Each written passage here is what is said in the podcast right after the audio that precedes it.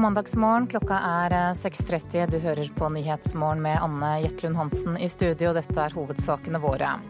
Mannen som planla angrepet mot Statoils gassanlegg i In Amenas skal være drept. Det sier myndighetene i Libya.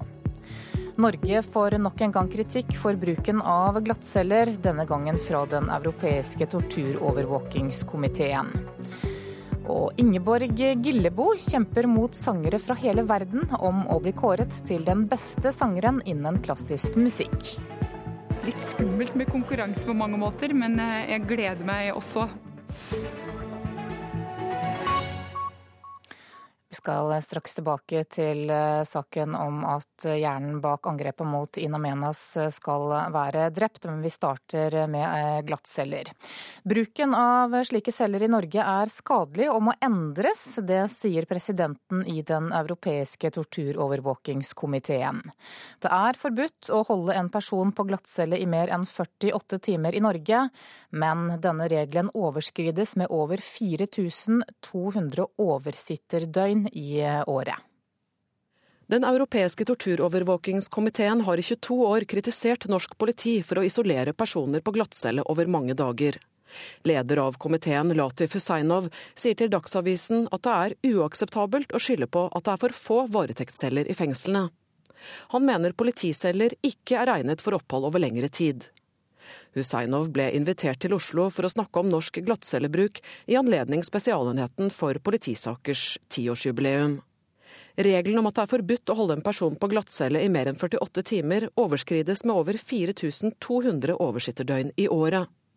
Husseinov har tidligere også kritisert Norge for å lenke arrestanter fast til celleveggen, en praksis Spesialenheten i fjor straffet med 80 000 kroner i bot.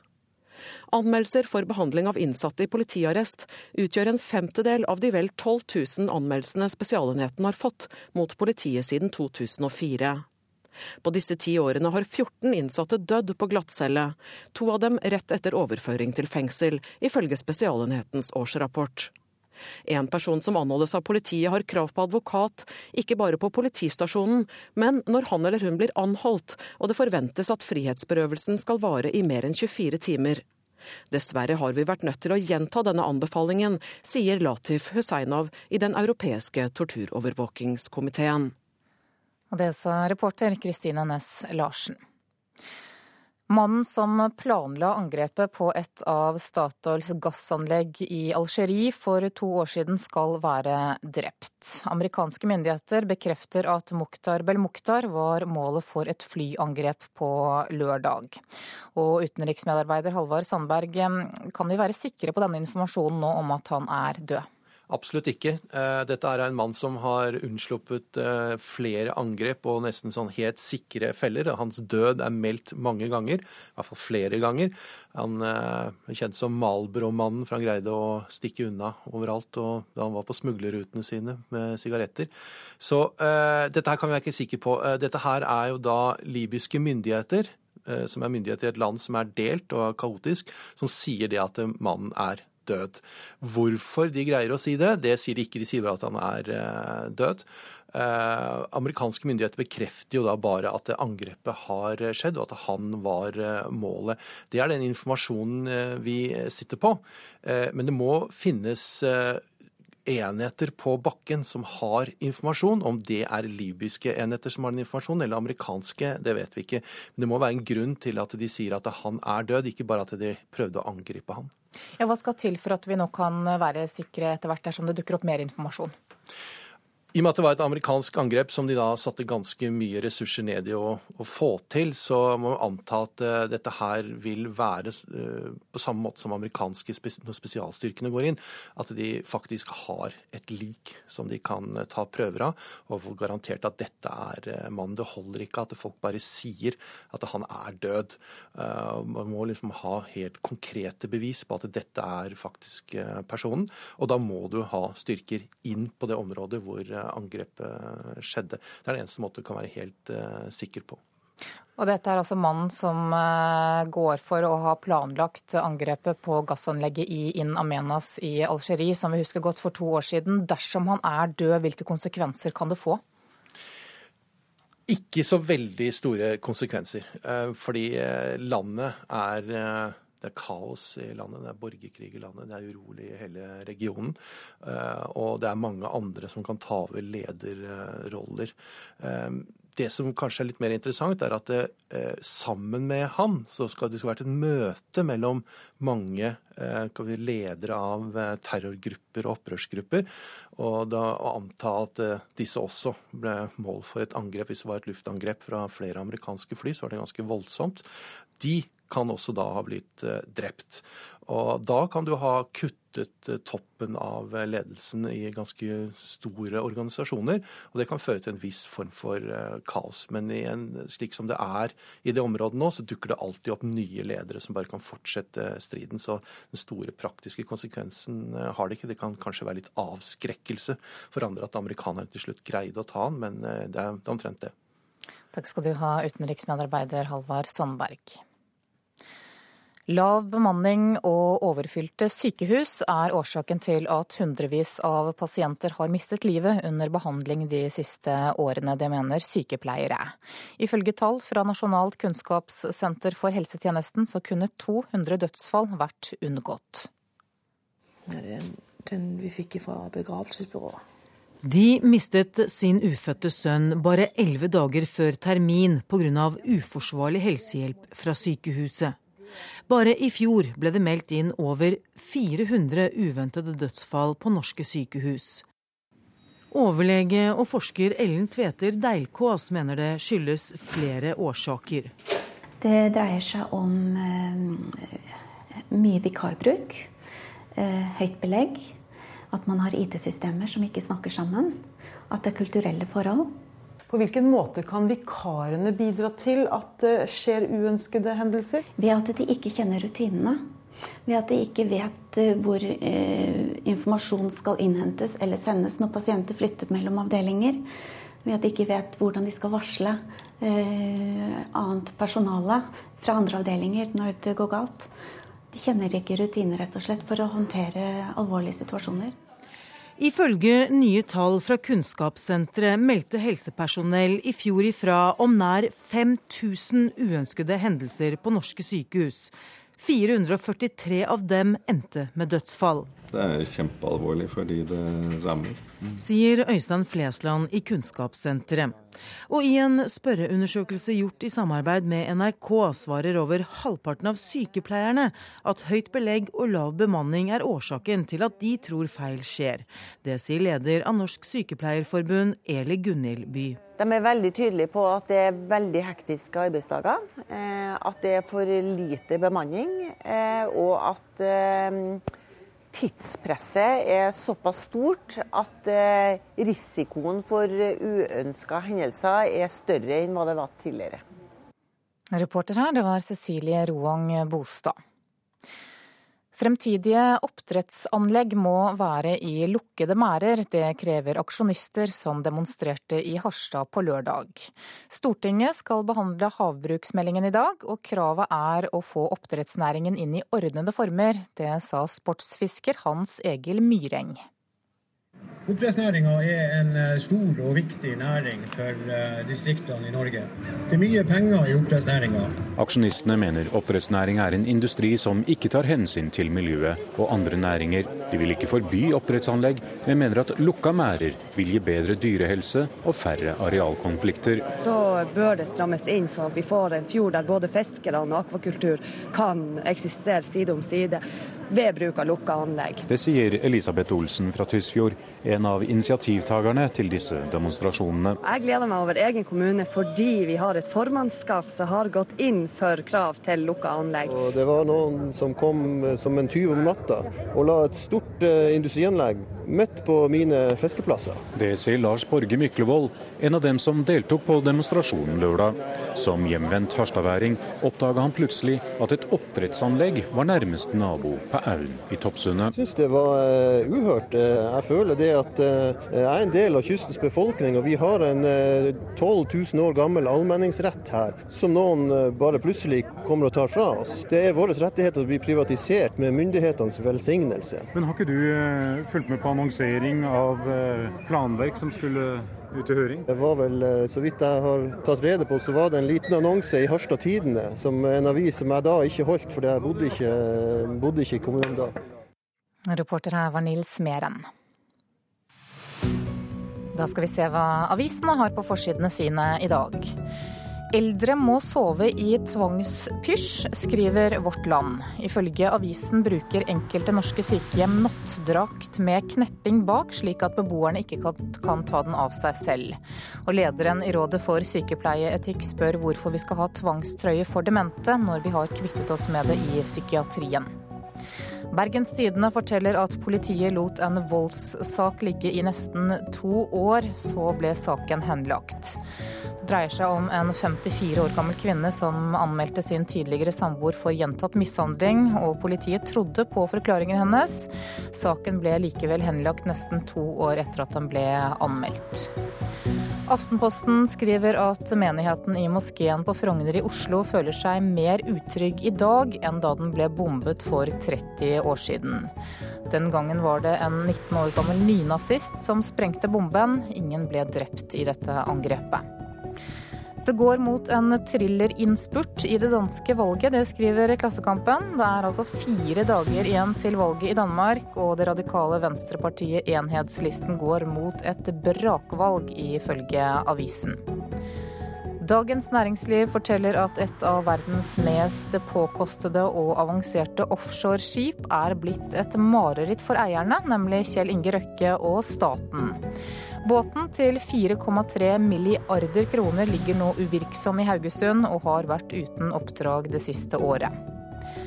Dynastiet Bush, det er overskriften i Dagsavisen. I dag starter Jeb Bush kampen om å bli USAs neste president, akkurat som broren og faren. En omstridt tilskuddsendring for lam kan gi mangel på lam neste høst, ifølge sauenæringen. Landbruksforsker og sauebonde Ola Flaten sier til Nasjonen at mange bønder er provosert, og ser ikke bort fra at en del vil reagere med å utsette slaktingen av lam til over nyttår. Dagbladet skriver om drapet på 17 år gamle Lisa Holm i Sverige. Hva skjedde egentlig i de 187 minuttene fra 17-åringen sendte en SMS til faren sin og til politiet begynte å lete etter henne? Det er spørsmålet avisen stiller. Mens VG skriver om en norsk dyslektiker som gjør verdenssuksess. Gründer Johan Brann driver en bedrift med 50 millioner brukere. Skal vi ha sport og høre at spillerne i det norske VM-laget i fotball er uenige om hvem de ønsker seg som motstander i åttendelsfinalen. I kveld møter Norge Elfenbenskysten til siste gruppespillkamp, men fotballjentene er allerede videre i mesterskapet. Det er jo dumt å ønske seg noe nå, og så blir ikke, blir ikke ønskene oppfylt, tenker jeg. Så vi, vi får ta det, det, som kommer. Det er klart at ting har endret seg litt siden eh, Frankrike gikk med mot Colombia. Det kan, eh, det kan jo bli dem også. Det hadde vi ikke regnet med i går. Så vi tar, vi tar alt imot med åpen favn. Det sier landslagssjef Even Pellerud om mulige motstandere i åttendelsfinalen. Norge blir nummer to i sin gruppe så lenge Tyskland slår Thailand i kveld. Dermed venter andreplassen i gruppe F, og det kan bli enten Mexico, England, Frankrike eller Colombia.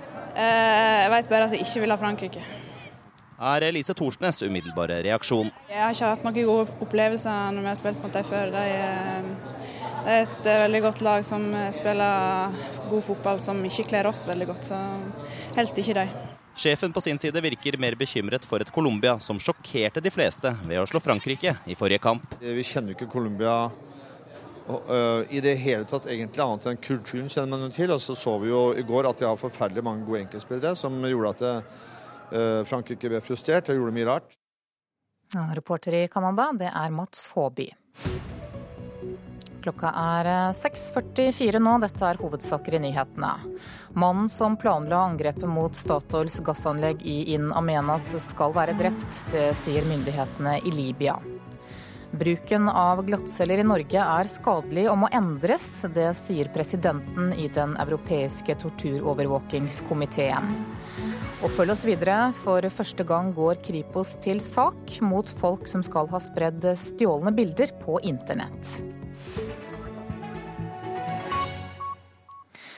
Men før det skal vi høre at åtte av ti rusavhengige som får behandling med såkalt legemiddelassistert rehabilitering, verken er i arbeid eller under utdanning. I tillegg blir de for dårlig oppfulgt av kommuner og helsevesenet. Det kommer frem i en ny rapport fra Universitetet i Oslo. Rundt 8000 rusavhengige får slik behandling, men kritikerne mener at rehabiliteringen er fraværende. Jeg kom inn i LAR, så var jo jeg i fast arbeid. I ni år har Odd Arild Rygg fått medisiner fra staten. 45-åringen fra Randaberg han jobba som sveiser da han ba om legemiddelassistert rehabilitering. Men medisinene fra staten og det han skaffet seg i tillegg, ble for mye. Jeg klarte ikke å kombinere jobb og, jobb og liv utenom. LAR det står jo for legemiddelassistert rehabilitering. Altså, har du blitt rehabilitert gjennom LAR? Nei. Den siste nasjonale statistikken fra Senter for rus- og avhengighetsforskning ved Universitetet i Oslo er nedslående lesning. Den viser at ved utgangen av fjoråret var åtte av ti LAR-pasienter verken i jobb eller under utdanning og bare hver tredje pasient hadde en såkalt individuell plan, som skal være et sentralt virkemiddel for å få folk på fote. Nei, Det syns jeg er nedslående tall. Jeg syns det er skremmende tall. Det sier Bente Sikveland, som leder LAR i Helse Stavanger. Til tross for manglende oppfølging av pasientene, og at åtte av ti er uten jobb og heller ikke er under utdanning, så forsvarer hun behandlingen. Fra vårt perspektiv så er det jo bedre at folk eh, er i et system og får en en, en, behandling som gir noen helseeffekter, enn at det ikke er det. Hvis du hadde visst det som du vet i dag, eh, den gangen da du eh, gikk inn i eh, LAR, ja. Eh, ville du gjort det igjen? Nei, aldri. For at eh, det et halvår i LAR, vet du, så var jeg blitt mer enn dobbelt så avhengig som jeg var i utgangspunktet. Det sa Odd Inge Rygg, og reporter her det var Johan Mile Laugaland. For eh, aller første gang går Kripos nå til sak mot folk som skal ha spredd stjålne bilder på internett. To menn i 20-årene er tiltalt for å ha skaffet seg stjålne bilder fra bl.a. nettjenesten Snapchat. Deretter skal de ha spredd dem videre via en fildelingstjeneste.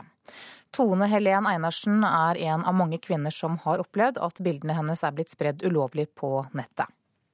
Altså, jeg personlig syns det var helt grusomt, fordi jeg var ikke klar over at det hadde skjedd. Ehm, det var bilder som jeg hadde på min egen datamaskin som, som jeg visste at jeg ikke hadde sendt til noen. Ehm, og så plutselig så var de havna på internett. Hun er en av mange unge kvinner som har opplevd at bilder hun har tatt, har blitt stjålet og spredd videre på internett. Så De som for deler, altså, jeg tror ikke de tenker over det at uh, hvordan den personen som er på bildet, egentlig tar det. De, de, det er rett og slett æreskrenkelse de holder på med. I oktober i fjor ble bildedelingstjenesten Snapchat utsatt for hacking, og 200 000 bilder kom på avveie. Nå går Kripos for første gang til retten mot folk som har spredd stjålne bilder videre på nett.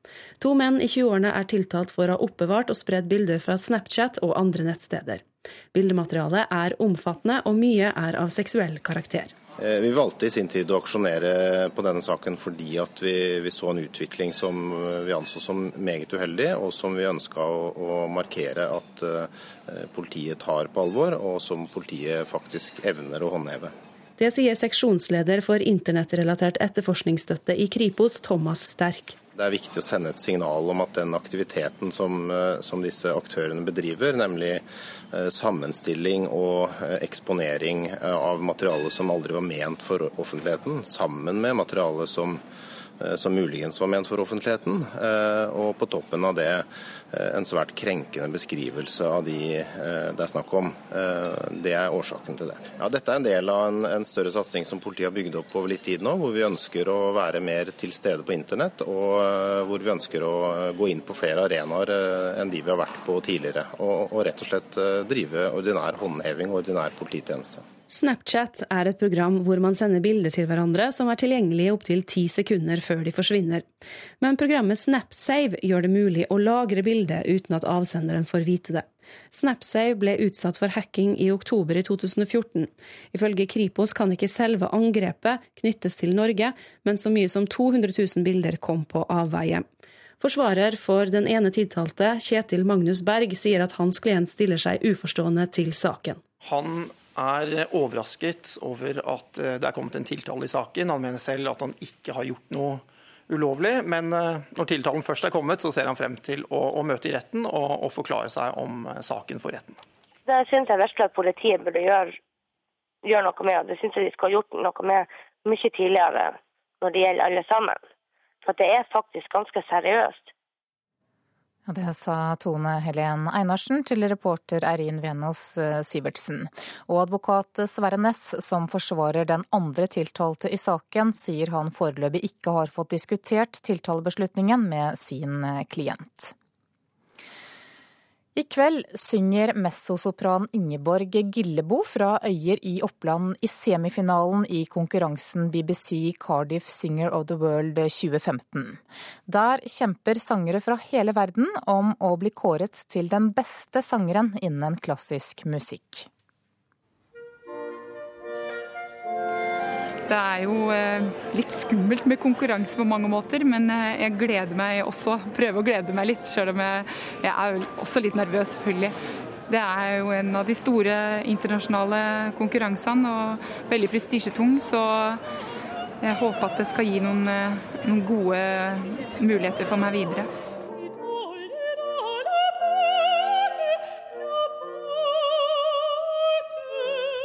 Konkurransen som gjør operastjerna litt nervøs, er BBCs Cardiff Singer of the World-konkurranse. Mer enn 3000 sangere fra hele verden har søkt om å delta. 20 er tatt ut til semifinale. Det er et, et nåløye i seg sjøl, så jeg er veldig stolt av det. Det er en, en veldig populær konkurranse med, med, mange søkere, så å komme med til sjølve konkurransen er, er veldig, veldig stort for meg.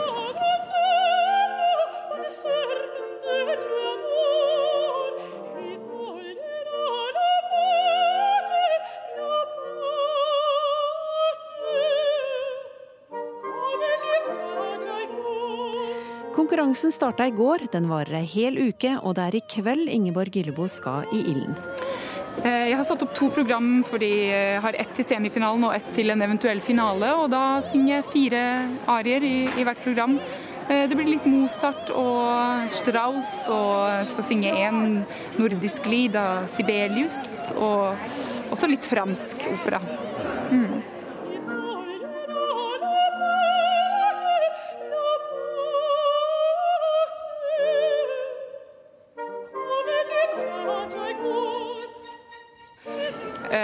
Jeg føler meg jo hjemme der, samtidig som det er jo klart det er, det er noe ekstra når det er konkurranse.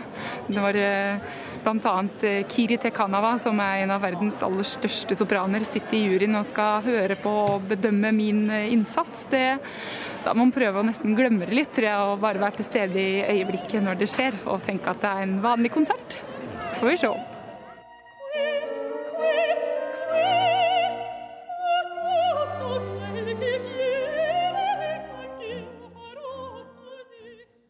Ja, reportere her det var Stein Skinstad og Elin Fossum. En nesten fire timer lang publikumssuksess, det er sjelden på teater. Men Rogaland teater greide i høst kunststykket å holde interessen og spenningen oppe gjennom hele sin oppsetning av Hamlet. I går kveld så ble det premiert med pris for årets forestilling da norsk teaterbransje var samlet til utdeling av Hedda-prisen.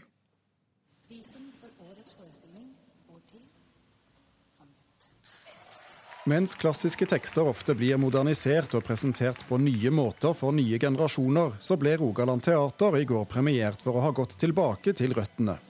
Regissør Kjersti Horn kaller det et eksperiment. Det er nok ikke så ofte, egentlig, at den, eh, man spiller den så At man spiller den komplett, da. Men eksperimentet var vellykket. Kritikerne elsket det, publikum elsket det, og Hedda-juryen elsket det. Men at det skulle bli en suksess var ikke gitt på forhånd. Kjersti Horn håper det kan være en lærepenge for Teater-Norge. Å ikke servere oppgulp og lettkjøpt fjas, men faktisk ta sitt medium på alvor. Eh, for det er som du ser her et eh, rom, et alvorlig rom, og en mulighet til å samles om veldig store, viktige eksistensielle spørsmål. Og den muligheten skal man faktisk ta vare på, istedenfor å bare tenke på hva man eventuelt kan tjene penger på. For det er ikke alltid det man tror heller, som publikum vil ha og lengter etter. Prisen for beste mannlige hovedrolle gikk også til Rogaland Teater. Torbjørn Eriksen i rollen som nettopp Hamlet. Eh, det føles veldig flott. Torbjørn Eriksen benyttet takketalen til å rette et lite spark mot sin egen bransje, som gjerne er preget av sterke personligheter. Hamlet er resultat av at ensemblet på teateret har jobbet godt og tett sammen. Til NRK utdyper han. Jeg tenker vel at eh, når en, eh, mange har en ambisjon om å kanskje være på topp eh, personlig, altså, så kan det gjerne føre til at mange vil det, og da blir det en del kollisjon. Så for at det skal være en vidsyn forståelse av suksess, så tenker jeg at det er bedre om en tenker mer eh, verdibasert og kollektivt. Også Nationaltheatret fikk to priser for ett stykke. 91 år gamle Espen Skjønberg fikk Hedda-statuett for beste mannlige medspiller i 'Tre søstre' av Anton Tsjekhov.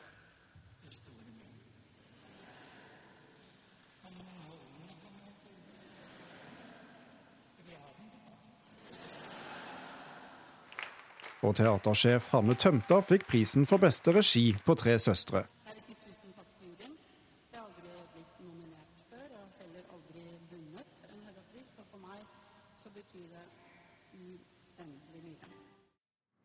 Og beste kvinnelige skuespiller ble Marie Blokhus for rollen som Alice i Fugletribunalet av Agnes Ravatn på Det Norske Teatret. Reporter her, det var Thomas Alvarstein Ove. Da skal vi se på et værvarsel som gjelder til midnatt. Fjellet i Sør-Norge nordvestlig bris. Nord for Sognefjell liten kuling utsatte steder. Enkelte sludd- og snøbyger i nordlige områder, ellers opphold. Og i øst lange perioder med sol. Østlandet nordvestlig bris. Sent i ettermiddag forbigående sørvestlig frisk bris på kysten. Lettskyet, senere delvis skyet oppholdsvær. Telemark nordvestlig bris. I ettermiddag forbigående sørvestlig frisk bris på kysten. For det meste pent vær. Agder nordvestlig bris. Liten kuling på kysten vest for Oksøy. I ettermiddag stiv kuling vest for Lindesnes, og ellers for det meste pent vær. Rogaland nordvestlig frisk bris. I ettermiddag forbigående stiv kuling på kysten sør for Obrestad. Skiftende skydekke. Enkelte regnbyger, snøbyger over 800 meter. Og fra i ettermiddag oppholdsvær. Hordaland og Sogn og Fjordane nordvestlig bris. Spredte regnbyger, snøbyger over 800 meter. I ettermiddag avtagende bygeaktivitet. I kveld nordlig opp i frisk bris på kysten og etter hvert opphold. Møre og Romsdal kan vente seg vestlig frisk bris utsatte steder. Liten kuling på kysten nord for Ona. Regnbyger og snøbyger over 700 meter. Trøndelag vestlig frisk bris. Liten kuling utsatte steder. Regnbyger og snøbyger over 700 meter. Nordland dreining til nordvestlig bris. Fra i ettermiddag liten kuling utsatte steder sør for Vesterålen. Regnbyger og snøbyger over 600 meter. Troms på kysten i sør enkelte regnbyger, ellers perioder med sol. Fra i formiddag nordvestlig bris og regn som brer seg fra øst. Finnmark østlig bris, litt regn. I kyst- og fjordstrøkene stort sett opphold frem til i ettermiddag. I kveld nordøstlig frisk bris på kysten og regn. Og på Nordensjøland på Spitsbergen er det ventet østlig frisk bris i dag. Minkende utover dagen. I øst litt regn eller sludd først på dagen, ellers oppholdsvær. Så tar vi med temperaturene som ble målt klokka fem. Det hadde Svalbard lufthavn fem grader. Kirkenes og Vardø åtte. Alta ni. Tromsø sju. Bodø og Brønnøysund fem. Trondheim og Molde seks. Bergen fem. Stavanger seks. Kristiansand åtte. Gardermoen fem. Lillehammer fire. Røros to. Og på Oslo-Blindern så var det sju grader klokka fem i morges.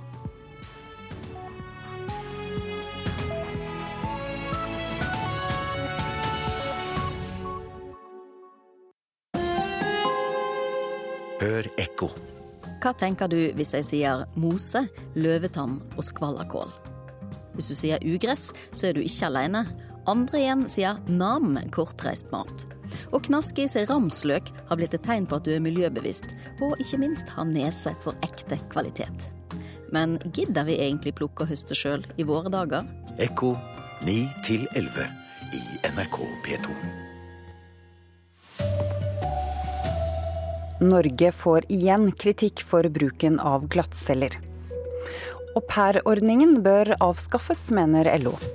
Her er NRK Dagsnytt klokken sju. Bruken av glattceller i Norge er skadelig og må endres. Det sier presidenten i Den europeiske torturovervåkningskomiteen. Det er forbudt å holde en person på glattcelle i mer enn 48 timer, men forbudet blir systematisk brutt. Antall døgn overskrides med over 4200 døgn hvert år. Den europeiske torturovervåkingskomiteen har i 22 år kritisert norsk politi for å isolere personer på glattcelle over mange dager. Leder av komiteen, Latif Husseinov, sier til Dagsavisen at det er uakseptabelt å skylde på at det er for få varetektsceller i fengslene. Husseinov ble invitert til Oslo for å snakke om norsk glattcellebruk i anledning Spesialenheten for politisakers tiårsjubileum. Husseinov har tidligere også kritisert Norge for å lenke arrestanter fast til celleveggen, en praksis Spesialenheten i fjor straffet med 80 000 kroner i bot. Reporter Kristine Næss Larsen. Aupairordningen bør avskaffes i Norge, mener LO-leder Gerd Kristiansen. Kristiansen sier hun er rystet over historier om vertsfamilier som utnytter au pairene sine og setter dem til oppgaver eh, som eh, ikke er en del av reglene. Mange nordmenn som har au pair er egentlig ute etter en billig hushjelp. Det har aldri vært meningen og er ikke lov, sier Kristiansen til VG i dag. Fylkesmannen gjør ikke jobben sin, sier barneombud Anne Lindboe, som går hardt ut mot måten staten håndterer eh, mobbing på. Nå vil hun selv håndtere mobbesakene. De ligger i linja, de er ikke uavhengige. Eh, de er ikke spesielt eh, barnesensitive i saksbehandlingen sin. Det er for stor ulik behandling mellom forskjellige områder i Norge, og de mangler også juridiske muskler for å gjøre en skikkelig jobb. Djupedal-utvalget har foreslått at Barneombudet skal overta rollen som klageinstans. Kunnskapsminister Torbjørn Røe Isaksen sier regjeringen nå vurderer forslaget, men han vet ikke om det er nødvendig å gå vekk fra dagens system med fylkesmenn som klageinstans. Vi, vi har i hvert fall altfor mange eksempler på at eh, systemet i dag ikke fungerer godt nok. Eh, og så har ikke vi bestemt enda om eh, det innebærer at vi må ha et helt nytt system med de mulige fordeler, men også klare ulemper som det vil medføre, eller om det betyr at vi må forbedre og gjøre det bedre innenfor dagens system. Bedre må det uansett bli. Reporter Knut Arne Oseid. Det var terroristen Mukhtar Bel-Mukhtar som var målet med luftangrepet i Libya på lørdag, bekrefter Pentagon. Bel-Mukhtar, som skal være drept, var hjernen bak angrepet mot Statoils gassanlegg i In Amenas i Algerie i 2013, der 40 ansatte mistet livet, deriblant fem nordmenn. NRK Dagsnytt, Ida Creed. Klokka er 7.03 nå, og Nyhetsmorgen fortsetter med disse sakene. Vi skal høre mer om at amerikanske krigsfly visstnok har tatt livet av mannen som planla angrepet mot Statoils gassanlegg i In Amenas. Det er myndighetene i Libya som sier dette. Flere steder i landet så sliter barnehagelærere nå med å få jobb. Og i Hongkong er det nye demonstrasjoner mot regjeringens forslag til valgreform. Ja, for eh, første gang siden krigen mot Libyas diktator Muhammar Gaddafi for fire år siden, så har amerikanske krigsfly angrepet mål i landet. Og målet for eh, angrepet var mannen som sto bak terrorangrepet mot Statoil-anlegget i In Amenas i 2013, nemlig Mukhtar Belmukhtar. Myndighetene i Libya sier Belmukhtar er eh, død, og utenriksmedarbeider Halvard Sandberg, kan vi egentlig være sikre på den informasjonen? Nei, Vi kan dessverre ikke være sikre på det. Altså, myndighetene i Libya sier det. Dette er et land som er i eh, kaos. Eh, er, de sier ikke noe om hvorfor de vet at han er død, de sier bare at han er død. Amerikanske myndigheter bekrefter at de angrep et mål i Libya, og at Mukhtar, ja, Mukhtar var der. Eh, at, men de sier ikke om han er død eller ikke. De sier bare at det må vi undersøke nærmere. Når kan vi være sikre på om dette er rett eller galt? Kan hende at vi aldri blir sikre på det. For å bli sikre på dette her, så må de da ha en død kropp som de kan uh, si dette er uh, mannen. Uh, og det er usikkert om de har folk i posisjon som kan gå inn og hente dette liket, og om det er mulig å undersøke det. Altså Du kan ikke stole på i en situasjon som dette her, på informasjon du får fra folk som mener at det han var der og at det var ingen som overlevde. Det er ikke sikkert nok, så det kan godt hende at vi aldri får svar på det. Men Du må fortelle litt om hvem eh, Mukhtar Bell Mukhtar er eller var. Altså, eh, Det beste kjennetegnet på han er at han er blitt meldt død mange ganger. Han er veldig flink til å slippe unna helt sikre feller. Altså, Franskmennene har forsøkt flere ganger å ta han og være helt sikre på at han er inne i et hus, f.eks. Og så var han ikke der, eller han slapp unna. Han begynte sin karriere må kalle det som å være sigarettsmugler i området. Derfor ble han kalt Malbro-mannen. Så har han slått seg opp som opprørsleder, og nå skal han da være assosiert medlem av Al-Qaida og være en betydelig figur i området. Takk skal du ha, Halvard Sandberg. Flere steder i landet så er det nå vanskelig for barnehagelærere å få jobb. Da fire stillinger som pedagogisk leder ble utlyst i Skien i Telemark, så kunne de velge mellom 119 kvalifiserte søkere. Nå mener Kristelig Folkeparti det er på tide at pedagogandelen økes til 50% slik at de som utdanner seg til barnehagelærer ikke forsvinner ut av barnehagen. Vi skal til Ranheimsletta barnehage. Vasker du bilen, Sigve? Ja, du vasker. Styrer Ingeborg Gulaker er bortskjemt med å kunne velge mellom godt kvalifiserte søkere. Sist så hadde vi 86 søkere på to stillinger som har lyst ut. Men det ligger mellom 50 og 100 som stort sett. I dag er hun styrer for åtte pedagogiske ledere, og oppfyller minimumsnormen på rundt 30% pedagogandel. Men hun skulle gjerne ansatt flere. Men hvis vi har hatt eh, bedre økonomiske rammer, så kunne vi ha tilsatt eh, mye flere pedagoger i barnehagen. I dag er det mangel på barnehagelærere i Oslo, Akershus og Stavanger-området. Men ellers i landet begynner nå kommunene å nå minimumskravet, og flere steder er det ikke uvanlig med 50-100 søkere på få stillinger. I Skien fikk de nylig 119 kvalifiserte søkere til fire stillinger som pedagogisk leder. Nyutdanna barnehagelærer Line Helen Sæle er en av dem som ikke har fått jobb i barnehage. Har jo søkt eh, på alt som har vært utlyst av stillinger. Eh, ikke vært på intervju, det får liksom ikke noe tilbakemelding annet enn at stillingen er besatt. Men har hun vurdert f.eks. Oslo og Akershus, der det er mangel på pedagoger? Jeg har tenkt på tanken. Jeg er bosatt i hus eh, sammen med samboer. Og ønsker jo ikke å flytte alene. Jeg vil gjerne ha med han på reisen eventuelt. Og da er det litt mer utfordringer, for da er vi avhengig av at han også skal få en jobb og ny inntekt. Ifølge tall fra Utdanningsdirektoratet mangler det ved årsskiftet 3600 barnehagelærere i Norge. Forskning viser at det nå hvert år utdannes rundt 1200 nye som blir værende i barnehagen, så i løpet av få år er målet nådd. Regjeringa har sagt at de vil øke minimumsnormen til 50% pedagoger innen 2020.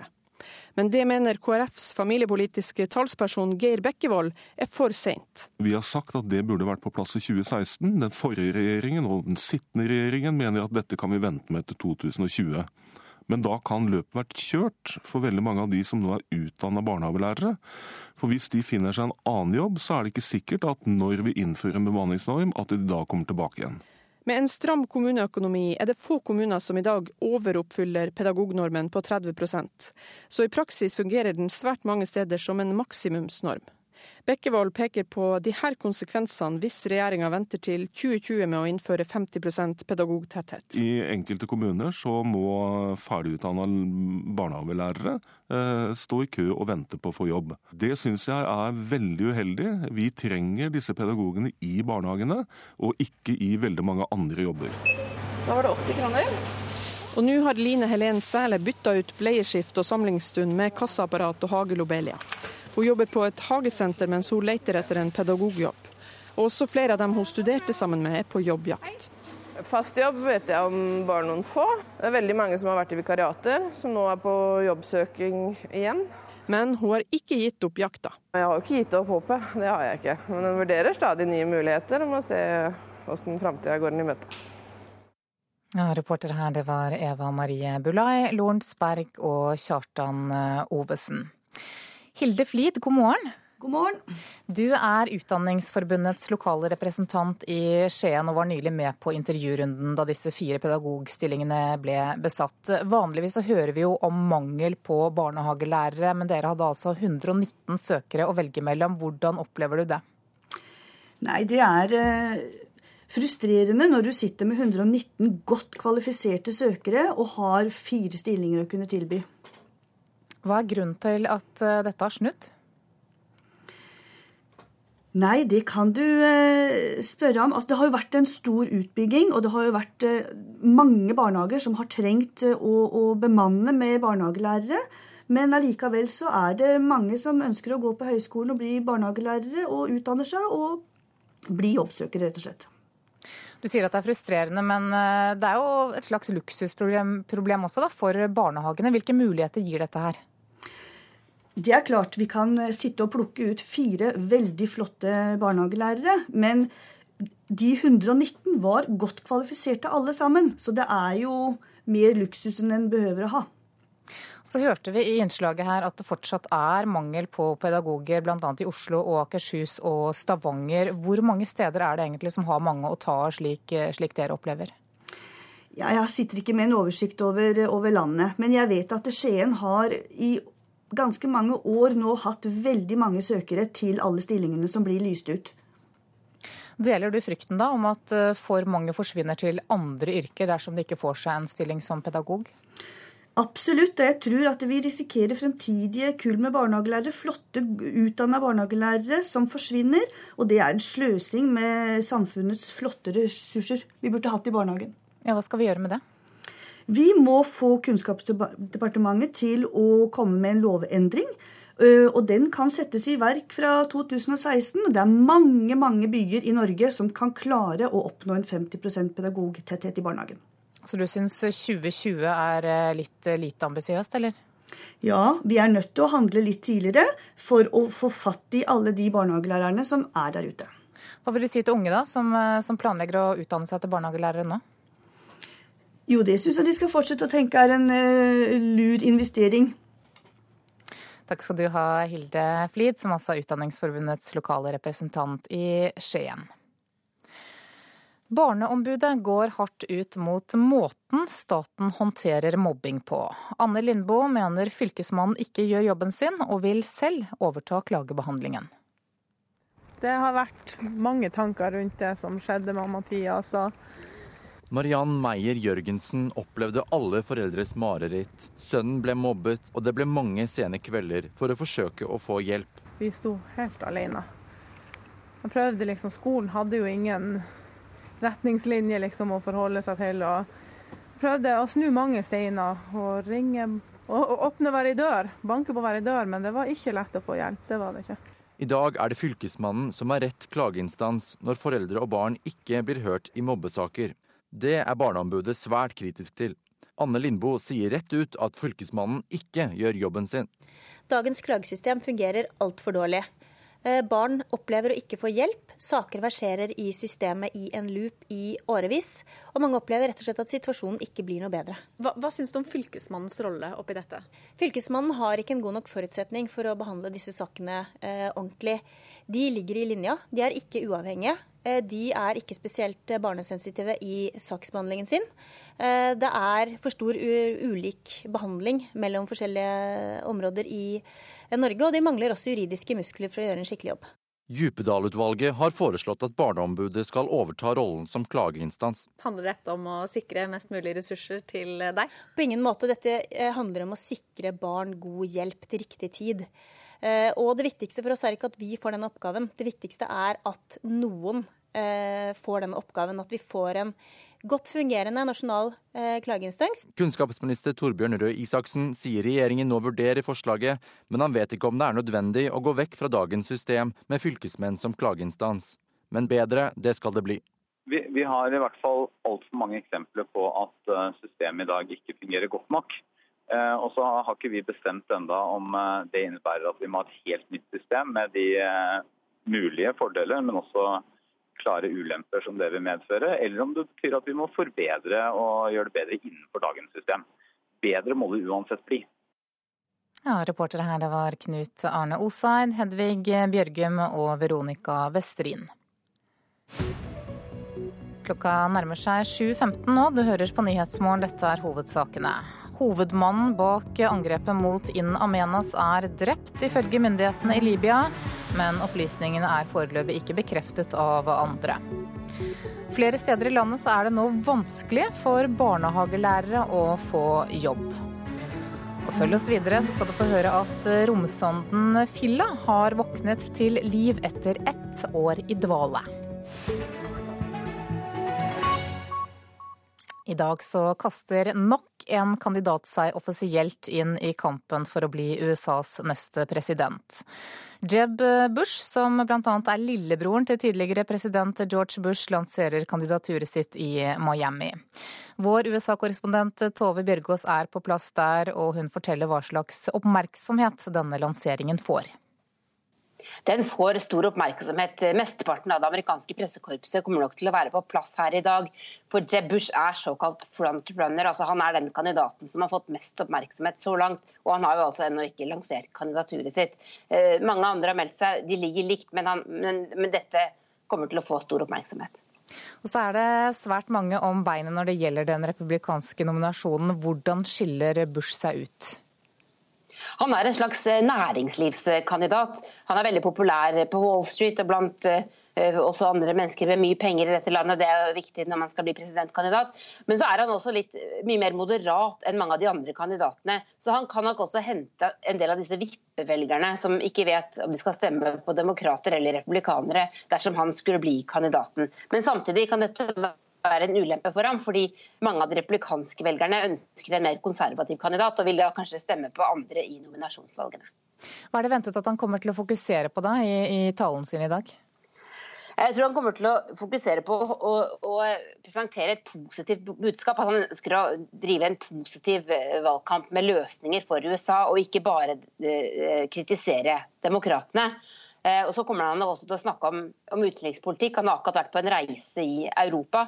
Og så må han nok også forsøke å distansere seg eller forklare at han har mye mer erfaring enn Marco Rubio, som også kommer fra Florida, og som også ligger godt an på meningsmålingene. Og egentlig eh, er en som Bush har vært mentor for, men som altså stiller opp i konkurranse med Jeb Bush. På lørdag så holdt demokratenes Hillary Clinton sitt første store valgmøte i eh, New York. Hvordan fremsto hun der? Hun eh, fremsto eh, som en energisk presidentkandidat. Jeg syns kanskje ikke hun hørtes så veldig forskjellig ut fra hva hun har gjort i, tidligere taler. Dette var hennes første store valgkamptale som hadde fått opp enorm oppmerksomhet på forhånd. Men eh, mange kommentatorer her mener at hun turte å by mer på seg selv. At hun tør å å snakke mer om hvem hun er, og ikke bare eh, om all erfaringen hun har, men hvem hun er, hvilken bakgrunn hun har. Det at hun er kvinne. Eh, det at hun jo nå er 67 år, og at det kanskje også kan være en fordel. Eh, og Det var veldig mange unge kvinner til stede, og de var spesielt opptatt av å få høre om, om hva hun kan gjøre for kvinner i USA. Og det snakket hun mye om. Og Dersom det nå skulle bli Bush mot Clinton neste år, slik det var i 1992, hvem har størst sjanser da? Det er veldig vanskelig å si. Akkurat nå, på de målingene som er tatt opp, eh, så, så, så sier flere at de ville stemme på Clinton. Eh, men det er altfor tidlig å si noe om det. Det kan slå ut litt begge veier. Som jeg sa tidligere, Bush han er en mer sentrumskandidat enn mange av de andre på republikansk side. Dermed kan han kanskje være hardere konkurranse for Clinton enn en del av de andre disse, når det gjelder disse vippevelgerne på midten. Eh, men det er også slik at mange velgere eh, nok ikke ønsker en kamp mellom to kjente navn, Bush og Clinton, og kanskje vil la være å stemme. Eh, det er det også mange som mener at kan skje. Så det er helt umulig å si, og det er også en lang, lang valgkamp som ligger foran oss. Det sa USA-korrespondent Tove Bjørgaas. Og fra Miami skal vi videre til Hongkong, for der er det nye demonstrasjoner mot regjeringens forslag til valgreform. Forslaget skal sendes over til byens lovgivende forsamling senere i uken, og det ligger nå an til at forslaget ikke ikke får det nødvendige flertallet.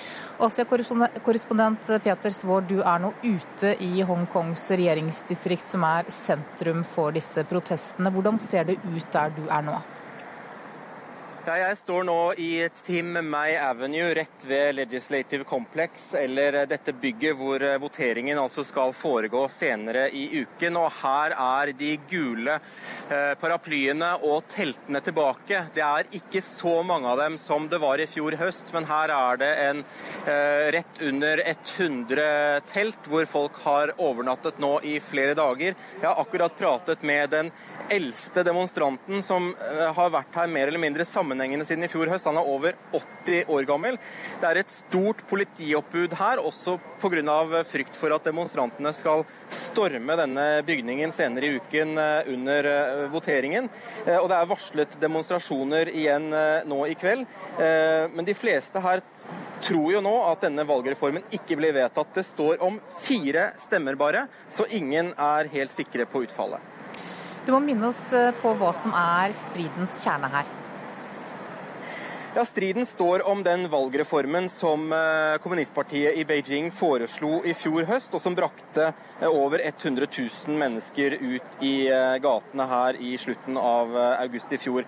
Det er et forslag hvor Hongkongs første valg i 2017 skal bli et valg mellom bare to-tre kandidater som er forhåndsgodkjent av en Beijing-vennlig komité. Det er altså ikke en åpen nominasjonsprosess, og demonstrantene her kaller dette for et kvasidemokrati. Jeg står eh, rett under et svart flagg nå hvor det står 'Reject fake democracy'. Eh, de hevder at de ble lovet fulle, frie valg ved tilbakeleveringen av Hongkong til Kina i 1997, og de krever en åpen nominasjonsprosess i dette valget. Synet på denne valgreformen splitter jo nå Hongkong omtrent nøyaktig på midten, ifølge de ferskeste meningsmålingene her. Det er eh, nesten nøyaktig 50-50 av dem som støtter og er imot eh, dette forslaget. Ja, er det nå noen som frykter eh, skittent spill før denne voteringen? Det står jo bare om fire stemmer. Alle de 27 pandemokratiske medlemmene av Legco har lovet at de skal stemme mot denne reformen. Men eh, det er altså fire stemmer som er nødvendig, og en av eh, de pandemokratiske eh, parlamentsmedlemmene her har vært ute i avisene de siste dagene og sagt at han har blitt tilbudt store pengebeløp for å stemme for.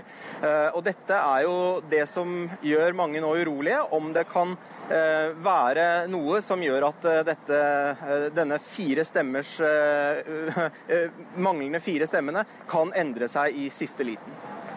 Takk skal du ha, Peter Svaar, direkte med oss fra Hongkong. Da skal vi se hva avisene har på sine forsider i dag. Eldre må sove med tvangspysj, det skriver Vårt Land. Ifølge avisen bruker enkelte norske sykehjem nattdrakt med knepping bak, slik at beboerne ikke kan ta den av seg selv. Lederen i Rådet for sykepleieetikk spør hvorfor vi skal ha tvangstrøye for demente, når vi har kvittet oss med det i psykiatrien. Bergens Tidende forteller at politiet lot en voldssak ligge i nesten to år, så ble saken henlagt. En 54 år gammel kvinne anmeldte sin tidligere samboer for gjentatt mishandling, og politiet trodde på forklaringen hennes, ifølge avisen. Saken ble likevel henlagt nesten to år etter at den ble anmeldt. Aftenposten skriver at menigheten i moskeen på Frogner i Oslo føler seg mer utrygg i dag enn da den ble bombet for 30 år siden. Den gang så var det en 19 år gammel nynazist som sprengte bomben. Ingen ble drept i angrepet. Det går mot en thrillerinnspurt i det danske valget, skriver Klassekampen. Det er tre dager igjen til valget i Danmark, og det radikale venstrepartiet Enhetslisten går mot et brakvalg, ifølge avisen. Dagens Næringsliv forteller at et av verdens mest påkostede og avanserte offshoreskip er blitt et mareritt for eierne, nemlig Kjell Inge Røkke og staten. Båten til 4,3 milliarder kroner ligger nå uvirksom i Haugesund, og har vært uten oppdrag i ett år. Dynastiet Bush, det er overskriften i Dagsavisen. I dag starter, som vi hørte her, Jeb Bush kampen om å bli USAs neste president, akkurat som broren og faren. En omstridt tilskuddsendring for lam kan gi mangel på lam neste høst, ifølge sauenæringen selv. Landbruksforsker og sauebonde Ola Flaten sier til Nasjonen at mange bønder er provoserte, og ser ikke bort fra at en del vil reagere med å utsette slaktingen til over eh, nyttår. Dagbladet skriver om drapet på 17 år gamle Lisa Holm i Sverige. Hva skjedde egentlig i de 187 minuttene fra 17-åringen sendte en SMS til faren sin og til politiet begynte å lete etter henne? Det er eh, spørsmålet. Mens VG skriver om en norsk dyslektiker som gjør verdenssuksess. Gründer Johan Brandt driver en bedrift med 50 millioner brukere. I dag tar Sør-Afrikas høyesterett stilling til om Sudans president skal arresteres og føres til den internasjonale straffedomstolen i Haag. President al-Bashir deltar på et uh, møte i Sør-Afrika, og Afrikakorrespondent uh, Sverre Tom Radøy følger saken. Sudans president Omar al-Bashir skal arresteres i Sør-Afrika. Det forlanger domstolen i Haag. Presidenten er tiltalt for folkemord i Darfur og forbrytelser mot menneskeheten, der 300 000 ble drept og 2,5 millioner drevet på flukt. Men al-Bashir vil reise fra Sør-Afrika i dag og hjem til Sør-Sudan nå som toppmøtet er over, sier Sudans utenriksminister. President Bashir is here to participate in the summit. He will stay until the end of the summit and leave on the scheduled time. Sørafrikanske myndigheter har prøvd å få domstolen til å omgjøre vedtaket uten å lykkes. Tvert imot presiserte domstolen at alle Haag-domstolens medlemsland er forpliktet til å arrestere al-Bashir, også Sør-Afrika og de andre av domstolens 32 afrikanske medlemmer. Men Sudans president har besøkt medlemsland som Malawi, Kenya, Tsjad og Kongo uten å bli arrestert. I helgen var Sør-Afrikas president Jacob Zuma vert for toppmøtet i Den afrikanske union. Han skal ha blitt svært irritert over landets egen høyesterett og har gitt alle toppledere immunitet under oppholdet. Men i går forlangte den sørafrikanske dommeren Hans Fabricius at ingen grenseoverganger, havner eller flyplasser måtte la Sudans president forlate landet, før Høyesterett har behandlet kravet om at al-Bashir skal fengsles og utleveres i Haag. Den avgjørelsen faller i dag klokka 11.30. Det sa altså Sverre Tom Radøy. Oljeselskapet Shell evakuerer flere av sine ansatte fra plattformer i Mexicogolfen. Årsaken er at en tropisk syklon kan være på vei. Ifølge meteorologene så er det 80% mulighet for at uværet som er på vei kan utvikle seg til en tropisk syklon i løpet av de neste 48 timene. Shell opplyser at såkalt ikke-essensielt personell nå blir evakuert fra oljeinstallasjonene, men at dette ikke vil få følger for eh, virksomheten. Nattpysjen på flere norske sykehjem kan minne om en tvangstrøye. Det mener leder i Rådet for sykepleieetikk, Berit Daa Hustad. Hustad sier til Vårt Land at hun har mottatt flere bekymringsmeldinger fra sykepleiere som reagerer på hvordan denne nattdrakten brukes. Det Hustad sikter til, er en heldekkende nattdress som lukkes på ryggen, slik at beboerne ikke kan ta den av selv. Hustad sier til Vårt Land at hun har mottatt flere bekymringsmeldinger fra sykepleiere som reagerer på hvordan nattdressen brukes.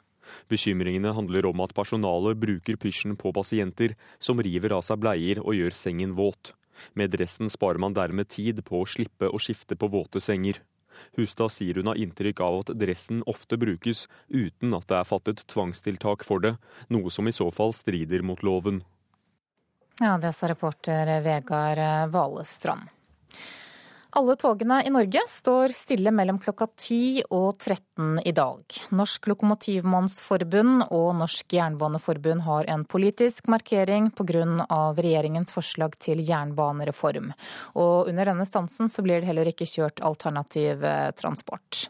Og dette blir det debatt om i Politisk kvarter om et eh, drøyt kvarter, nemlig klokka 7.45. Du lytter til Nyhetsmorgen nå. Klokka nærmer seg 7.30 og Dagsnytt. I reportasjen etter det skal du få høre at situasjonen rundt utbryterrepublikken Transnester i Moldova har tilspisset seg de siste ukene. Produsent for Nyhetsmorgen i dag, det er Silje Katrine Bjørkøy. Og her i studio, Anne Jetlund Hansen.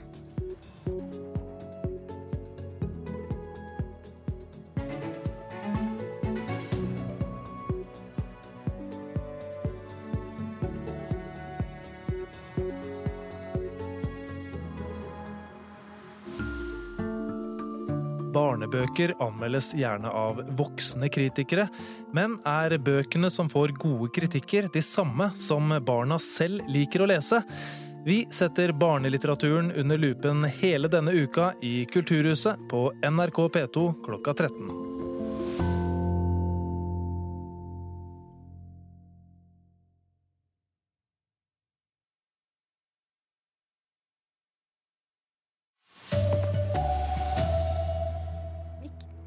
Pedagoger må selge blomster. Nå begynner det å bli vanskelig for fagfolk å få jobb i barnehagene. Amerikanerne har jaktet på terroristen i flere år. Den antatte hovedmannen bak angrepet mot Statoils gassanlegg skal være drept. For første gang går Kripos til sak mot folk som skal ha spredd stjålede bilder på Snapchat. Det var bilder som jeg hadde på min egen datamaskin, som jeg visste at jeg ikke hadde sendt til noen. Her er NRK Dagsnytt klokken 7.30.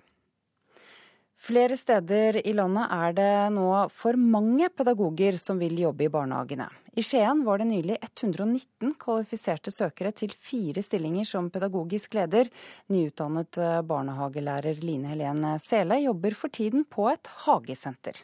Da var det 80 kroner. Leieskift og samlingsstund er bytta ut med kassaapparat og hagelobelia.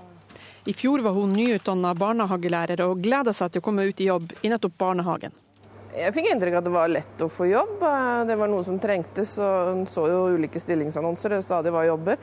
Men var vel ikke klar over at det var fullt så mange som søkte på de jobbene, da. For da det ble utlyst fire stillinger som pedagogisk leder i Skien, hvor hun bor, var det 119 kvalifiserte søkere. Jeg har hatt et vikariat på seks måneder.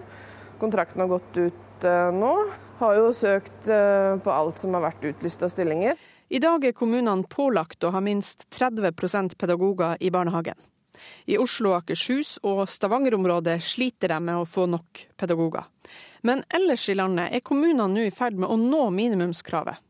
Styrer i Ranheim barnehager i Trondheim, Ingeborg Gulaker, sier det ikke er uvanlig med 50-100 søkere på én pedagogstilling. Hun skulle gjerne ansatt flere, men pengene fra kommunen strekker bare til for å oppfylle minimumsnormen.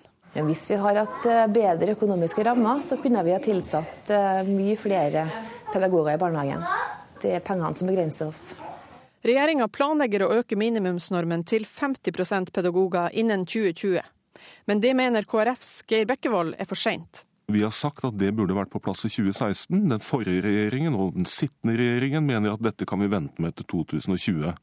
Men da kan løpet vært kjørt for veldig mange av de som nå er utdanna barnehagelærere. For hvis de finner seg en annen jobb, så er det ikke sikkert at når vi innfører en bemanningsnorm, at de da kommer tilbake igjen. Reportere her var Eva Marie Bulai, Lunsj Berg og Kjartan Ovesen. Det var terroristen Mukhtar Bel-Mukhtar som var målet med luftangrepet i Libya på lørdag, bekrefter Pentagon i natt. Bel-Mukhtar eh, skal ha vært hjernen bak angrepet mot eh, Statoils gassanlegg i In Amenas i Algerie i 2013, der 40 ansatte mistet livet, deriblant fem nordmenn. Og utenriksmedarbeider Halvard Sandberg, eh, hvor sikre er meldingene om at Bel-Mukhtar nå er drept? Dessverre er de ikke så veldig eh, sikre. Det kommer fra en regjering i et land hvor det er kaos, et land som er delt. Og de forteller ikke hvorfor de sier at han er drept. Det vi kan være sikre på, er at amerikanerne gjennomførte et eh, luftangrep mot en gård i eh, Libya, der det skulle være flere terroristledere som er assosiert med Al Qaida. Den informasjonen den stemmer. Angrepet ble gjennomført. Resultatet av det kan vi ikke være sikre på. Hva kan du fortelle om vel, hvem Mokhtar Bel-Mukhtar er? Det er en mann som har levd med krig og terror hele sitt liv. Han startet i, som 19-åring i Afghanistan som mujahedin. Slo seg etter hvert opp i Afrika som sigarettsmugler og opprørsleder og terrorist. Har vært et mål for franskmenn og amerikanerne i lang tid, har gjentatte ganger greid å unngå å bli drept i nesten sikre angrep, hvor de sier at nå er han død, men det viser seg at han ikke var det. Han blir kalt den som han ikke greier å få tak i, så vi får se nå. Utenriksmedarbeider Halvard Sandberg, takk for at du kom i studio.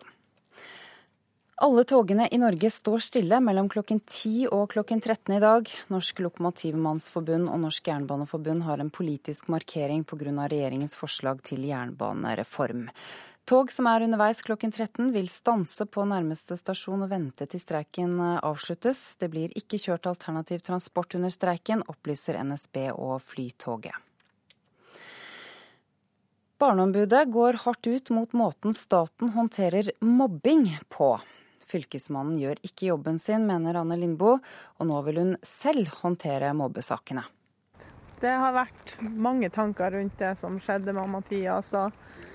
Mariann Meyer Jørgensen opplevde alle foreldres mareritt. Sønnen ble mobbet, og det ble mange sene kvelder for å forsøke å få hjelp. Vi sto helt alene. Og Skolen hadde jo ingen retningslinjer liksom, å forholde seg til. og Prøvde å snu mange steiner og ringe, banke på hver dør, men det var ikke lett å få hjelp. Det var det ikke. I dag er det Fylkesmannen som er rett klageinstans når foreldre og barn ikke blir hørt i mobbesaker. Det er Barneombudet svært kritisk til. Anne Lindboe sier rett ut at Fylkesmannen ikke gjør jobben sin. Dagens klagesystem fungerer altfor dårlig. Eh, barn opplever å ikke få hjelp. Saker verserer i systemet i en loop i årevis. Og mange opplever rett og slett at situasjonen ikke blir noe bedre. Hva, hva syns du om Fylkesmannens rolle oppi dette? De ligger i linja. De er ikke uavhengige. Eh, de er ikke spesielt barnesensitive i saksbehandlingen sin. Eh, det er for stor ulik behandling mellom forskjellige områder i Norge, og de mangler også juridiske muskler for å gjøre en skikkelig jobb. Djupedal-utvalget har foreslått at Barneombudet skal overta rollen som klageinstans. Kunnskapsminister Torbjørn Røe Isaksen sier regjeringen nå vurderer forslaget, men han vet ikke om det er nødvendig å gå vekk fra dagens system med fylkesmenn som klageinstans. Vi, vi har i hvert fall altfor mange eksempler på at eh, systemet i dag ikke fungerer godt nok. Eh, og så har ikke vi bestemt enda om eh, det innebærer at vi må ha et helt nytt system med de mulige fordeler, men også klare ulemper som det vil medføre, eller om det betyr at vi må forbedre og gjøre det bedre innenfor dagens system. Bedre må det uansett bli. Reportere i denne saken var Knut Arne Oseid, Hedvig Bjørgum og Veronica Westrin.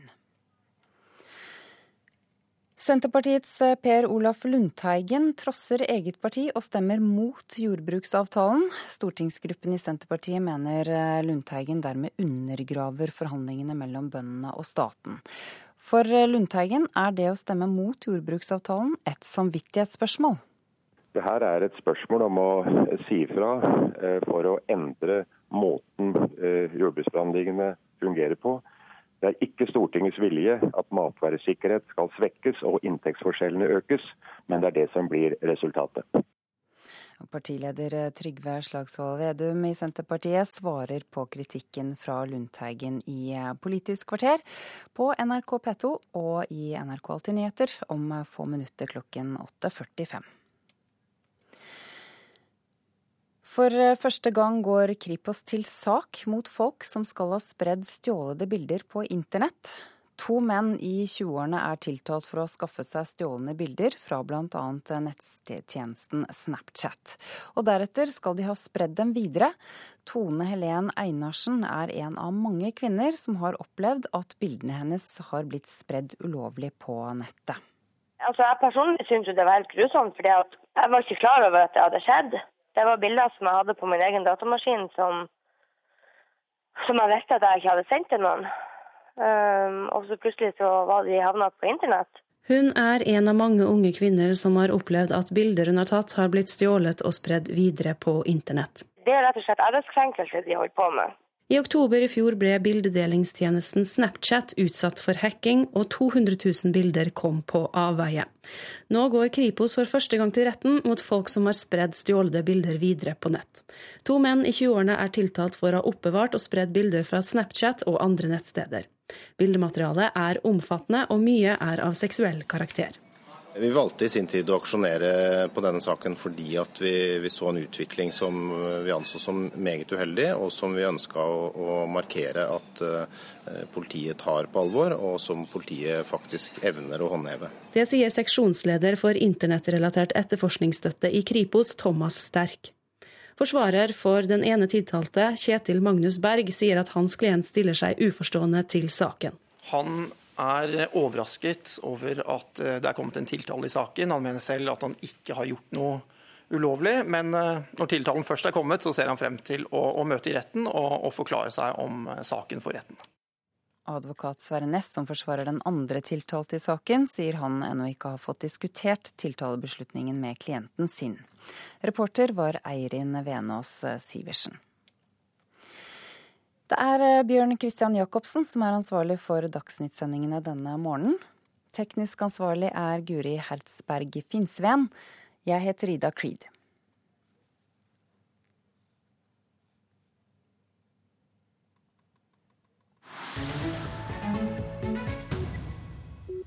Klokka er 7.40 eh, nå, og i Nyhetsmorgen skal vi høre at situasjonen rundt utbryterrepublikken Transnester i Moldova har tilspisset seg de siste ukene. Transnester ligger inneklemt mellom Moldova og Ukraina og har tette bånd til Russland. Hvilke planer ukrainske myndigheter har for dette strategisk viktige området, er det mange som lurer på.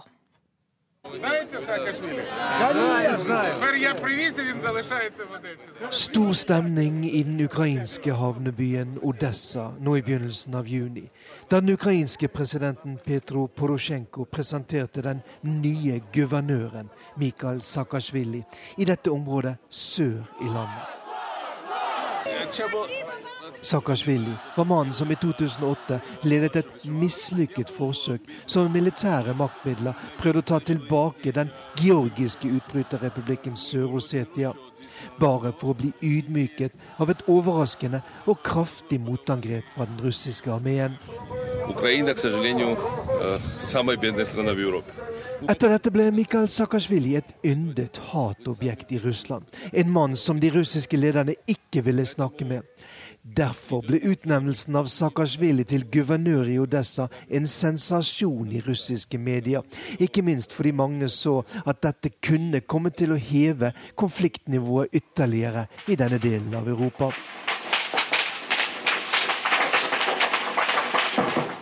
For under 100 km fra Odessa hørtes det slik ut i 1992, da kampene raste som verst mellom moldovske regjeringsstyrker og prorussiske styrker ved elven Njester.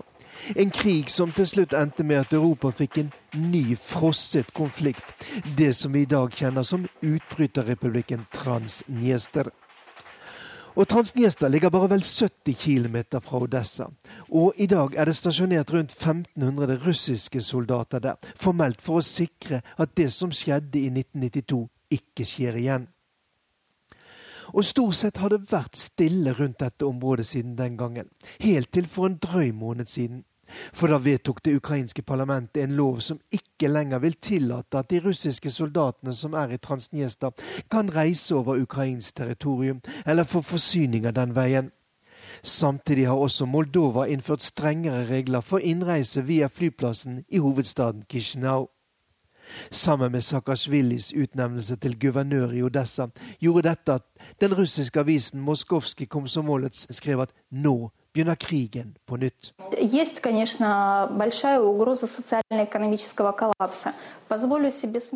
Utenriksministeren i Transniesta, Nina Stanski, sa til russisk TV at hun er redd for det som nå skjer. Og hun ser på dette som en koordinert politikk fra ukrainske og moldovske myndigheter. Både Ukraina og Moldova har også innført strengere kontroll med import og eksport fra utbryterrepublikken, noe som har gjort at myndighetene har kuttet pensjoner og offentlige lønninger med en tredjedel. Товарищ министр обороны, личный состав отряда занимается согласно плану боевой подготовки. Командир отряда подполковник Елисеев. Вольно. Вольно! I Transnjesta marsjerer utbryterrepublikkens soldater foran TV-kameraene.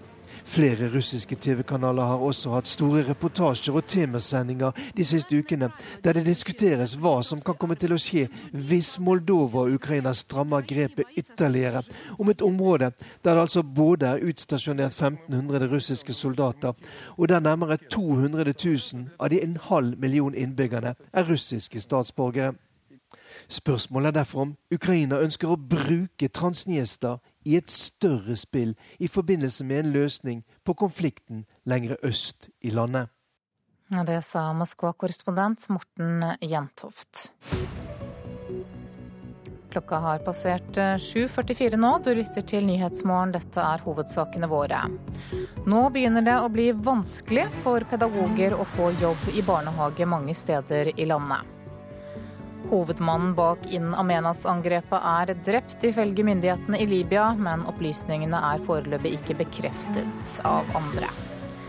Og i dag tar Sør-Afrikas høyesterett stilling til om Sudans president skal arresteres og føres til Den internasjonale straffedomstolen i Haag. Klokka nærmer seg 7.45, det betyr Politisk kvarter, og programleder i dag det er Håvard Grønli.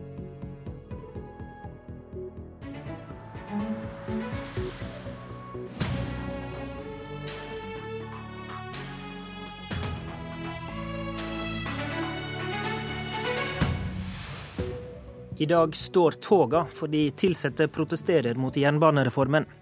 Har de noen som helst grunn til det, spør vi i Politisk kvarter. Der vi også har besøk av Senterpartilederen, som må forholde seg til misnøye i egne rekker med hvordan partiet har håndtert jordbruksavtalen. Klokka ti i formiddag blir toga parkert for tre timer. Grunnen er at organiserte jernbanetilsatte demonstrerer mot jernbanereformen som blir vedtatt i Stortinget i dag. Hans Christian Gabrielsen, andre nestleder i LO. Det er to LO-organisasjoner med jernbanetilsatte som står bak streiken i dag. Hvorfor er det nødvendig med et så kraftig grep? La meg bare starte med å si at eh, ansvaret for den eh, politiske markeringa som skjer i dag mellom klokka ti og ett, det ansvaret ligger eh, ene og alene hos regjeringen. Som nå på nytt ruller ut en stor reform uten å på noen som helst måte ha hatt dialog med de ansatte.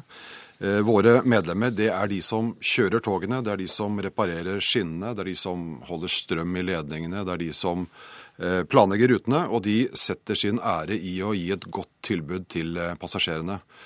Og i dag så streiker de i fortvilelse og sinne mot at regjeringen nå gjennomfører en reform med virkemidler som de vet ikke virker. Og eh, igjen så kjører man altså gjennom en reform på et felt uten å snakke med de som er berørt, eh, uten å høre på de som faktisk eh, jobber der. Og de streiker altså mot oppsplitting av eh, jernbanen og mot eh, konkurranseutsetting og privatisering. Nils Åge Jekstad, du er saksordfører for jernbanereformen i Stortinget. Du representerer Høyre. Vi hører at det faktisk er ditt parti og din regjering som er ansvarlig for at togene blir parkert i dag. Ja, Nå hadde vi en høring i Stortinget, og det var ikke alle organisasjonene som var like negative til det som hadde, når det gjaldt informasjon fra regjeringen under, underveis. Og vi mener jo at vi representerer nå en reform som har vært veldig lenge varsla og veldig etterlengta. Det er for mye Er ikke det sant dette med at en ikke har snakka med de berørte? Nei, jeg tror vi, det, sånn som vi har fått oppfatt, så har jeg snakka om Men det er klart dette er første fase i en reform, og reformen er en, er en politisk beslutning. Også hvordan vi ønsker å organisere jernbanen framover. Og det, det, vi gjør nå, det er egentlig bare å rydde opp eh, i ansvarsforholdet mellom Jernbaneverket, NSB og staten, så, så det blir et ryddigere forhold og ryddigere styringssystem. Vi mangler mange vi mangler en, en, struktur som gjør at man rendyrker rollene mellom myndighet, mellom eh, leverandør av, av, infrastruktur og transportør. Og Det vi gjør nå, det er å rendyrke disse rollene ved at vi får et jernbanedirektorat som har myndighetsansvaret. Vi får et infrastrukturforetak som er statlig eid, som skal være da, den som bygger jernbane og holder ved like de eiendommene vi har. Og så får vi et eh, NSB som et rendyrka transportselskap med, med, under statlig eie. Og du mener denne streiken i dag er basert på myter, egentlig? du?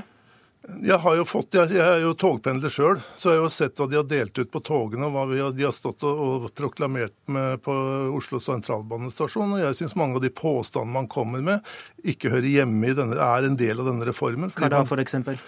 Ja, F.eks. at Nå sto det jo en plakat eh, på jernbanen et eller annet sted i dag hvor vi ikke selger togene våre. Vi har hørt at det skal bli dyrere for passasjerene å, å reise med tog. Det er jo helt uh, hinsides. Uh, så det er, det er, Man har trukket denne meningen her veldig langt ut, og langt unna det reformen står for. For reformen den understreker det offentliges ansvar i jernbanepolitikken. og Det, er, det gjelder både når det gjelder planlegging, det gjelder når det gjelder infrastruktur. Vi skal, offentlig skal eie ikke bare skinnene, men også materiell.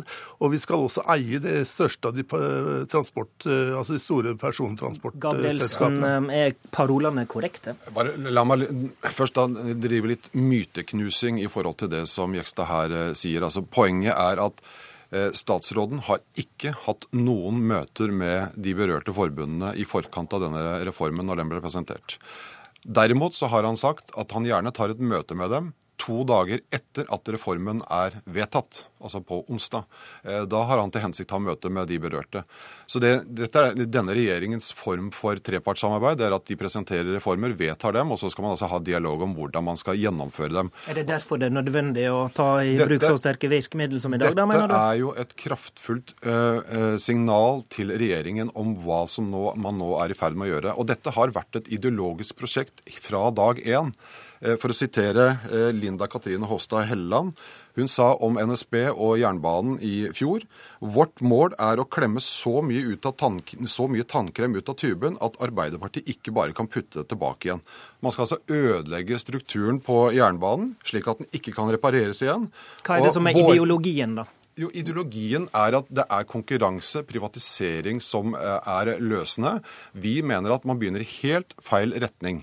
Eh, dette handler om å konkurranseutsette strekninger på toget, altså det som rullende materiellet oppå skinnene, mens 70% av all utfordring ligger i infrastrukturen. Da tar vi det. da tar vi Det Jekstad, det LO først og fremst er bekymra for her, er konkurranseutsettinga, hører du?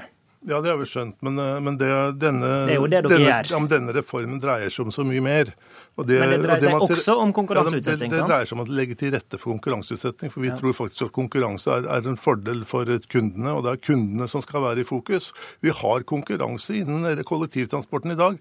Nettbuss, som er et underselskap av, av, av, av NSB, kjører jo i konkurranse med, med, Unibuss og andre selskaper på kollektivtransporten i Oslo og Akershus. 45 av kollektivtransporten i Oslo og Akershus er konkurranseutsatt. Men den, infra, den infrastrukturen som er jernbaneskinner er jo litt annerledes enn veier. Ikke, det skal ikke, men det skal ikke konkurranseutsettes. Tvert mm. imot så sier reformen at når det gjelder skinner og materiell, så skal det være offentlig eid. Og det, og det, men det skal drives forretningsmessig, men det skal være offentlig eid. Det som er snakk om, er at togselskapene skal måtte konkurrere, og det er for at kundene skal vite at den prisen de betaler for togbillettene sine, er den riktige. Men Jekstad, dere vil altså splitte opp norsk jernbane i 12-15 selskaper. Og hvis jernbanen i dag som har et etterslep på vedlikehold med 17 milliarder kroner, eh, og to selskap ikke løser eh, oppgaven etter ditt syn, hvordan i himmelens navn mener du at eh, dette skal bli bedre med 12-15 selskaper? Hvordan skal det gjøre jernbanen bedre, når vi vet at det er samordning som, og investeringer som er nøkkelen? Ja, det er jo et av de mytene som er 12-15 Det er ingen som har sagt det skal være 12-15 selskaper. Jo, men dere skal, det, som er, nei, skal... det som er selskapen, det er, det er, infra, det er, vei, det er Jernbanedirektoratet, og det er infrastrukturselskapet. Det er et ett selskap. Og så er det altså snakk om 68 transportårer som skal, skal konkurranseutsettes over tid. Og det er ikke sagt at det skal være 68 forskjellige operatører. NSB har vunnet i Sverige anbud. De har vunnet Gjøvikbanen i anbud. NSB må, må ikke snakke NSB ned. NSB er en konkurransedyktig konkurrent på dette området. Jeg skal nesten vedde på at NSB kommer til å ha majoriteten av transport transporten også på de andre, andre sporene. Så det blir ikke 12 til 15. det blir... Det, det, er jo det det blir. Dere skal jo lage et eget vedlikeholdsselskap. Dere skal lage et eget selskap for infrastruktur. Dere skal ha et eget selskap, og dere skal sågar opprette et eget direktorat for å, da, å, å hensynta den konkurransen til de 68 selskapene som skal kjøre oppå. Eh... Hele utfordringen ligger i det må komme nok penger til investeringer. Det er eh, infrastrukturen som er nøkkelen til en og vi, Infrastruktur og samordning er nøkkelen til en god jernbane. Så, det vet vi. 80 skal... 80% av alle strekninger og alle, all jernbanetrafikk i eh, Europa som går godt, de har valgt den løsningen som vi har skissert. Nå skal vi vende oss til Senterpartileder Trygve Slagsvold Vedum, som også sitter her. Eh, Vedum, enhver politiker vil si at streik er et lovlig våpen, men er du enig i de saklige argumentene arbeidstakerorganisasjonene bruker for aksjonen i dag? Ja, det er vi fullt og helt. For det er ikke splittelse som trengs innenfor norsk jernbane. det er samling, altså motsatt vei. Og det man egentlig konkurranseutsetter, er jo de ansatte. Fordi at man har sagt at man kan splitte NSB, at man skal ta alle toga ut og lage et nytt statlig foretak som, som eier toga. Og så skal man konkurrere om de ansatte som skal bemanne toga. Det er et første, første skritt for videre privatisering. Og jeg, vi mener at det er feil vei med videre oppsplitting. For vi har sett at vi har et jernbanedirektorat og et NSB. Og vi burde heller sett hvordan de kunne jobba tettere sammen, istedenfor å lage mer ulike foretak, og det kommer til å skape mer byråkrati. Og så kommer det til å skape over tid mer usikkerhet for de ansatte i NSB, og det er feil medisin. Du skal få svar til slutt på, Blir dette mer oppsplitting eller samling? Nei, Dette blir en, en samling. Blant annet så ser vi i dag at Rom Eiendom eier noe av eiendommene til jernbane. Jernbaneverket eier noe annet. Vi ønsker å ha ett selskap som skal eie det. Så det er mye å rydde opp i. Og dette er en samling av noe som er splitta, ikke omvendt. Takk til Nils Åge Jekstad og Hans Christian Gabrielsen. Vi holder fram med Senterpartileder Trygve Slagsvold Vedum i studio, for han er først ut når de politiske partiene gjør sin tradisjonsrike oppsummering før sommeren av halvåret som har gått. Eh, ditt hovedtema vil være kritikk av de mange reformene fra regjeringa fordi de vil virke sentraliserende. Nå har vi nettopp vært innom kritikken din mot jernbanereformen. Eh, det samme vil gjelde bl.a. også kommunereform, politireform, strukturendringer i høyere utdanning. Fins det noe område i dette samfunnet som faktisk trenger å bli reformert, mener du? Ja, f.eks. jernbane trengs å bli reformert. og Vi har jo et helt motsatt svar av regjeringa. At man ønsker å samle ressursene istedenfor å splitte opp sykehus, mener vi at trengs å reformeres. Men vi ønsker å gå en helt annen vei enn det regjeringa vil, som har varsla at de vil eh, bygge ned akuttkirurgien ved halvparten av landets lokalsykehus. og har veldig tro på en sånn bedriftstenkning når du skal styre sykehus. Vi ønsker sterkere folkevalgtstyring. Så vi bare vil ha en annen retning. Vi vil ha tjenester nær folk rundt omkring i hele landet. Og summen av de reformene som regjeringa nå har lagt opp til, vil, eh, vil, endre Norge på sikt og, skape en voldsom sentralisering. men dere gjør jo ingen store omstruktureringsgrep? Altså, men altså, det som er problemet i norsk offentlig ordskifte, er at man eh, framstiller det sånn at den eneste måten å se framover på er å sentralisere og gjøre ting større, istedenfor å legge tjenester nær folk sørge for at sykehusene får, får mer folkevalgt styring, at man har god akuttkirurgi også på, på, mindre steder. Men hvorfor er f.eks. omstrukturering av jernbanen eh, det samme som sentralisering? Nei, vi ønsker, men på jernbanen så har vi, vi har vårt eget forslag på jernbanen. Og det er at man skal eh, jobbe for å slå NSB og Jernbaneverket sammen. Fordi vi tror at man da kan løse oppgavene mer effektivt, og at man kan få mindre byråkrati, ikke mer byråkrati. For det har vi jo sett med denne regjeringa her, at det har blitt en voldsomt eh, byråkratisering. Og det er over 3500 nye ansatte i det som Frp definerte som byråkrati. Og, mange nye direktorat. Så vi ønsker jo motsatt retning. At du skal ha mer folkevalgt styring, mindre direktorat, og mer samling av ressurser, ikke mer oppsplitting som det regjeringa ønsker. Partiet ditt er jo også kritisk til årets jordbruksavtale, men den har stortingsgruppa bestemt seg for å stemme for. Det har skapt en del reaksjoner. Du har bl.a. fått flere underskrifter eh, mot deg her. Og i dag kunngjør partiveteran Per Olav Lundteigen i media at han bryter med stortingsgruppa di og stemmer mot jordbruksavtalen i Stortinget. Det her er et spørsmål om å si fra eh, for å endre måten eh, jordbruksforhandlingene fungerer på. Det er ikke Stortingets vilje at matvaresikkerhet skal svekkes og inntektsforskjellene økes, men det er det som blir resultatet. Hvorfor stemmer Senterpartiet for en jordbruksavtale som dere mener er for dårlig? Altså, vi er jo Lundteigen er jo 100 enige om målet om økt norsk matproduksjon på norske ressurser spredt i hele landet, for det har vært suksessen.